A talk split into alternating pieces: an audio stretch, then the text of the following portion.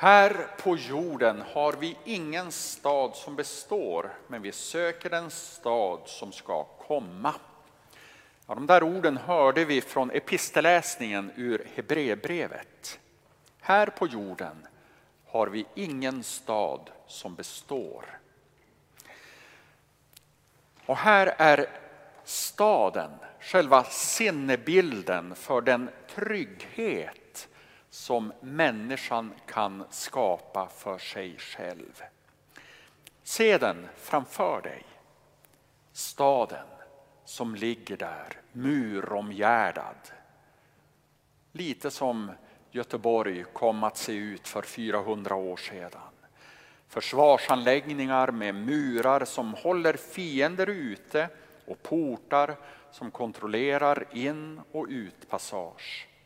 Staden, ett monument över vad människor tillsammans kan åstadkomma. Och människan har alltid velat markera välstånd och framgång med storslagna stadsplaner och byggnationer. Babels torn för tusentals år sedan. Men också i närmare i tiden Germania och Moskva som Hitler och Stalin var för sig skissade på. De må ha varit på sätt och vis varandras politiska motpoler och värsta fiender men de var förenade i arkitektoniska ideal, i de monumentala stadsskapelser som de var för sig ville iscensätta. Men här på jorden har vi ingen stad som består. Och det handlar som sagt inte bara om städer som Babel, Germania eller Göteborg. Staden står som jag sa som sinnebild för den trygghet vi människor själva kan skapa oss. Och vad Bibeln säger är att all sån trygghet är bedräglig. För här på jorden har vi ingen stad som består. Men vi söker den stad som ska komma. Och vi, här i texten, ja, det är vi som är kristna. Vi sätter vårt hopp till någonting som ska komma. Och vad är då det? Ja, Jesus säger i dagens evangelietext, nu har också ni det svårt. Han säger det till sina lärjungar. Tänk dig att Jesus säger det till dig idag. Nu har också ni det svårt. Vad tänker du på? Vad spelar an på för strängar i ditt liv? Ja, jag tror att för många domineras tankarna av det besvärliga coronavirus som givit oss en pandemi och som inte verkar vilja släppa taget om vår tillvaro. Visst längtar vi efter den dag när vi kan säga att vi har lämnat pandemin bakom oss. Och livet får återgå till det normala, vad då det normala då kommer att visa sig vara. Jag vet i alla fall att jag längtar. Men jag tror också att många människors hopp inte sträcker sig längre än så. Till efter pandemin pandemin vi befinner oss i är besvärlig. Dock så är den inte på något sätt unik i mänsklighetens historia. Ja, vi har haft pandemier som har drabbat vår värld vid ett flertal tillfällen. Men också andra plågor. Civilisationer har i perioder plågats av krigs och orostider. Många generationer har levt i tider med missväxt, undernäring, svält politiskt förtryck har legat som ett tungt ok på en absolut majoritet av världens befolkning årtusenden igenom. Och i alla svårigheter som människor har gått igenom har man i hopp om bättre tider byggt på sina städer, både bokstavligt och bildligt. För att skapa de bästa förutsättningarna för trygghet och välstånd. Men säger Bibeln. Här på jorden har vi ingen stad som består.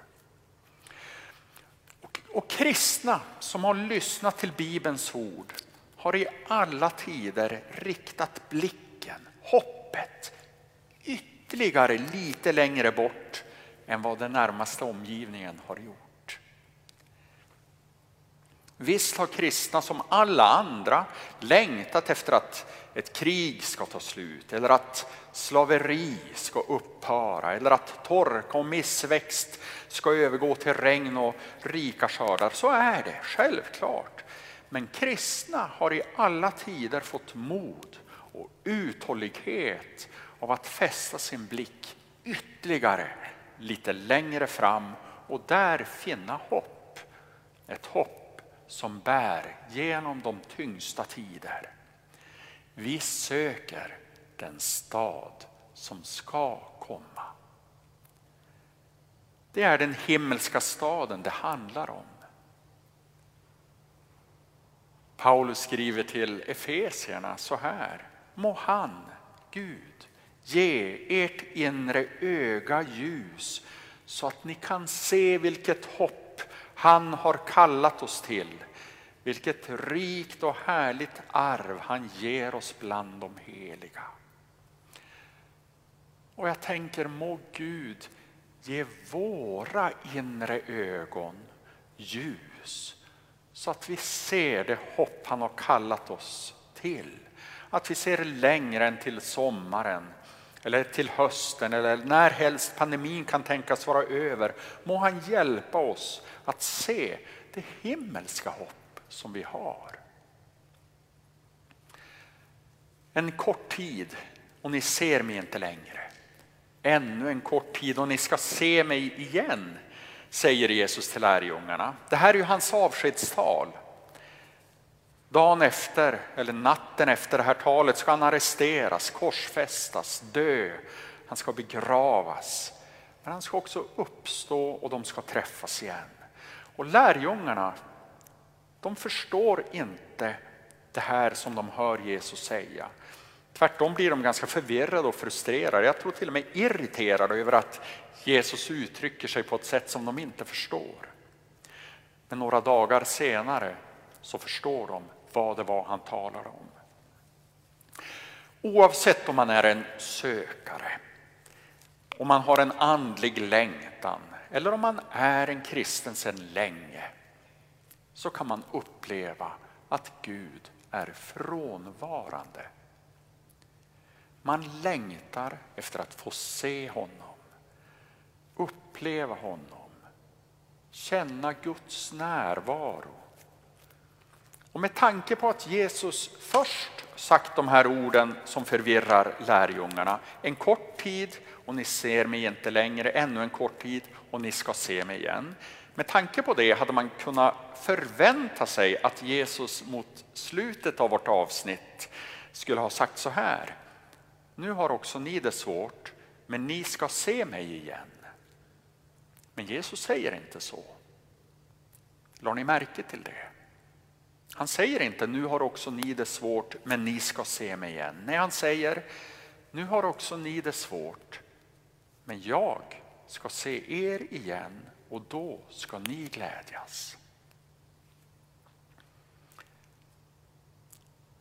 När vi upplever Guds frånvaro så är det naturliga föremålet för vår längtan att vi ska få se Gud.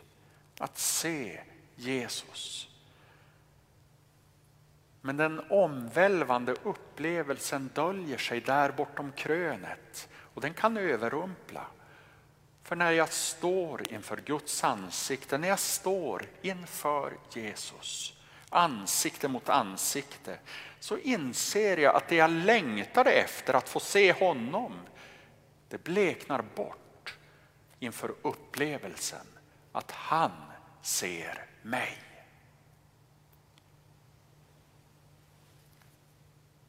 Som människor vet vi hur viktigt det är att bli sedd av andra människor. Att bli lyssnad på, att bli tagen på allvar, att bli bekräftad.